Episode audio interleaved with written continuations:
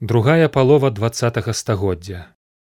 Індустрыялізацыя і русіфікацыя ад бСр да рэспублікі беларусь. Пасля заканчэння другой усясветнай вайны бСр нягледзячы на статус краіны заснавальніцы аан надалей заставалася тэрытарыяльна адміністрацыйнай адзінкай ссср. У першыя пасляваенныя гады маскоўскія ўлады правялі чарговую змену заходніх межаў савецкай беларусі. Была ліквідавана беластоцкая вобласць, а беласток з ваколіцай у тым ліку частка белавескай пушчы перададзены камуністычнай польшчы. У выніку гэтак званай рэпатрыяцыі ці абмену насельніцтва між польшчай і бСр з беларусі выехала каля 350 тысяч палякаў і тых, хто назваўся палякам, абы далей ад сталіна з другога боку менавіта з прыгранічнага падляшша выехала ўсяго каля тридцать шесть тысяч беларусаў. Тых хто застаўся ў камуністычнай польшчы каля трохсот тысяч польскія ўлады прызнавалі за палякаў до 1956 года і працягвалі палітыку асіміляцыі. Пасля вайны камуністычныя ўлады ў бСр узмацнілі русіфікацыю і ўчынілі з беларусі яе выпрабавальны палігон паводле планаў маскоўскіх ідэолагаў яна павінна была стаць узорам для іншых рэспублік адмовіцца ад нацыянальнай мовы цалкам перайсці на расейскую. На месца вынішчанай сталінскімі рэпрэсіямі і вайной беларускай інтэлігенцыі прысылаліся настаўнікі навукоўцы тэхнічныя кадры з рассеі Небяспечнай для беларускай культуры і самога існавання беларускага народа стала індустрыялізацыя, планава прыспешаная з канца 1950-х гадоў. Індустрыялізацыя праводзілася паводле гэтак званай савецкай мадэлі, не праз акумуляцыю прыватнага капіталу, як было на захадзе, а коштам эксплуатацыі грамадства. Прыярытэтна развіваліся цяжкая прамысловасць коштам гэтак званай лёгкай, якая мела забяспечваць жыццёвыя патрэбы насельніцтва. Дэфіцыт тавараў і паслуг, жылля, адзення, прадуктаў харчавання і іншага стаў адметнай рысай савецкага сацыялізму. Індустрыялізацыя разбурыла шматвекавую апору нацыі, беларускае сялянства. Моцны ўдар па сялянству як класу быў нанесены ліквідацыяй прыватнай уласнасці на зямлю праз калектывізацыю традыцыйная культура сістэма маральна-духоўных каштоўнасцей якая тысячагоддзямі трымалася на прывязанасці да сваёй зямлі пачала разбурацца. Сялян загналі ў калгасы і забралі пашпарты каб прымацаваць да месца жыхарства. Вельмі падобна да запрыгоньвання ў канцы сярэднявечча. Адзіным легальным спосабам уцёкаў ад калгаснага жабрацтва была вярбоўка ў горад на завод. Здольная да навукі моладзь вырывалася з вёскі праз паступленне ў вышэйшыя і сярэднія навучальныя ўстановы. Індустрыялізацыя выклікала хуткі рост гарадоў і масавую міграцыю ў іх вясковага насельніцтва. Здаралася на адбудаваныя пасля ваеннай разрухі і наваствораныя прадпрыемствы ў гарадах прывозіліся цэлыя працоўныя калектывы з рассеі. Найчасцей іх кіравалі ў заходнюю Беларусь, бо яе жыхары лічыліся ненадзейнымі як далучаныя да савецкай краіны толькі ў 1939 а фактычна ў 1944 годзе. Русіфікаваныя гарады сталі асіміляцыйнымі катламі у якіх беларускія сяляне пераплаўляліся ў рускамоўнае насельніцтва. Урбанізацыя перамагла за дзесяцігоддзе між 1970 і 1980 гадамі. Тады колькасць гараджан перавысіла колькасць вяскоўцаў. У 2020 годзе ў гарадах жыло больш за 77,6соткаў насельніцтва краіны. Разам з тым індустрыялізацыя прывяла да агульнага паляпшэння матэрыяльнага становішча грамадзян і ў гэтым адна з прычын адсутнасці масавага супраціву русіфікацыі.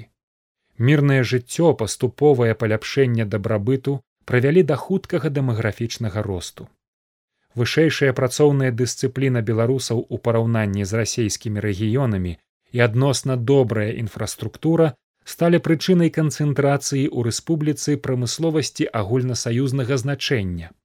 Беларусь стварыла найлепшую ў ссср сістэму падрыхтоўкі рабочых кадраў высокай кваліфікацыі праз сетку птв прафесійна-тэхнічных вучэльняў. Найбольш работнікаў было занята ў машынабудаванні, металаапрацоўцы і лёгкай прамысловасці. У 1946-1948 годах быў збудаваны менскі трактарны завод МТЗ, які сёння ўваходзіць у дзясятку найбуйнейшых у свеце вытворцаў трактароў. Ад 1947 года пачаў выпуск прадукцыі менскі аўтамабільны завод, які акрамя грузавікоў выпускае аўтобусы і тралейбусы. З 1950 года дзейнічае беларускі аўтамабільны завод белаз сёння адзін з найбуйнейшых у свеце вытворцаў кар'ерных самазвалаў вялікай і асабліва вялікай грузапад'ёмнасці. У пасляваеннай бСр самымі высокімі тэмпамі развіваліся хімічная і нафтахімічныя прамысловасці. Прадпрыемства па вырабу калійных угнаенняў і харчовай солі Беларусь калій, заснаваная ў 1963 годзе, стварыла вакол сябе цэлы горад Салігорск. Сёння Беларусь калій належыць да найбуйнейшых у свеце вытворцаў калійных мінеральных угнаенняў. Два буйныя нафтапераапрацоўчыя заводы ў полацку з 1963 года і мазыры з 1975 года ад таго часу і да сёння разлічаны на пераапрацоўку расейскай нафты. Пасля мадэрнізацыі ў пачатку 21 стагоддзя яны больш за 70соткаў прадукцыі экспартуюць у краіны еўросаюза. Ад сярэдзіны 60-х гадоў два стагоддзя пачала здабывацца ўласная беларуская нафта на палессі пад рэчыцай. У 1970-е гады кіраўніцтва бСр фарсіравала разбудову менска, штучна стварыўшы з яго мегаполіс з насельніцтвам пад паўтара мільёна чалавек. Сюды сцягваліся навуковыя кадры і інтэлігенцыя, аслабляючы правінцыю. Шмат выдатных навукоўцаў і спецыялістаў перабраліся ў Маскву. Пасля вайны ў БСР адбываўся даволі хуткі дэмаграфічны рост. Колькасць насельніцтва на працягу трох дзесяцігоддзяў павялічылася больш чым на 2,2 мільёны. З 8 мільёнаў 54 тысяч чалавек у 1959 годзе да 10 мільёнаў 300 тысяч чалавек у 1991 годзе.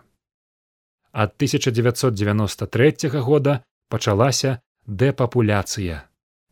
Паводле даных на першага студзеня 2021 года у краіне жыло 9 мільёнаў 349 тысяч 645 чалавек. Гэта значыць, беларусаў стала на мільён менш. Беларуская культура ў БСР знаходзілася пад пільным кантролем органаў камуністычнай партыі і спецслужбаў. Мэтай было ўтрыманне яе на ўзроўні фальклору і стрымліванне развіцця так званай высокай культуры. Эфектыўнай формай кіравання інтэлігенцыі сталі гэтак званыя творчыя саюзы пісьменнікаў, музыкантаў, архітэктараў і іншых. Па ўсіх установах, арганізацыях, прадпрыемствах дзейнічала шырокая сетка агентаў і інфарматараў тайнай паліцыі камітэта дзяржаўнай бяспекі якія адсочвалі недобранадзейных. Агенты ўводзіліся і ў нешматлікія нефармальныя суполкі нацыянальнай інтэлігенцыі якія спрабавалі працягваць нацыянальную культурніцкую традыцыю. У адпаведны момант праводзіліся кропкавыя рэпрэсіі гістарычная навука трактавалася як частка камуністычнай ідэалогіі і наўпрост кіравалася ідэалагічным аддзелам галоўнага партыйнага органа. Беларусаў вучылі гісторыі іх краіны ў маскоўскай інтэрпрэтацыі, менавіта з пункту гледжання краіны захопніка. Ва ўсіх падручніках па гісторыі праводзілася галоўная тэза пра адвечнае імкненне беларусаў да ўз'яднання з рассеяй. Беларуская дзяржаўнасць выводзілася ад моманту дэкларацыі бСр полацкае княства прадстаўлялася як частка адзінай старажытна-рускай дзяржавы. Вялікае княства літоўскае аб'яўлялася дзяржавай літувійскіх феадалаў, якія захапілі Беларусь у сярэдзіне 13 стагоддзя. Існавала негалосная забарона на вывучэнне многіх тэм і цэлых перыядаў айчыннай гісторыі, напрыклад, палітычнай гісторыі вялікага княства літоўскага, гісторыі беларускай шляхты, беларускай народнай рэспублікі і беларускай эміграцыі. Беларуская паваенная эміграцыя даволі шматлікая ў заходняй Еўропе і ЗША была цалкам адсечана ад кантактаў з краінай і не мела ўплыву на яе жыццё. Унікальным быў выпадак з сям'ёй эмігрантаў янкай ларысы геніюшаў, якіх савецкая тайная паліцыя ў 1948 годзе сілай вывезла з чэхаславакіі і прысудзіла 25 гадоў зняволення.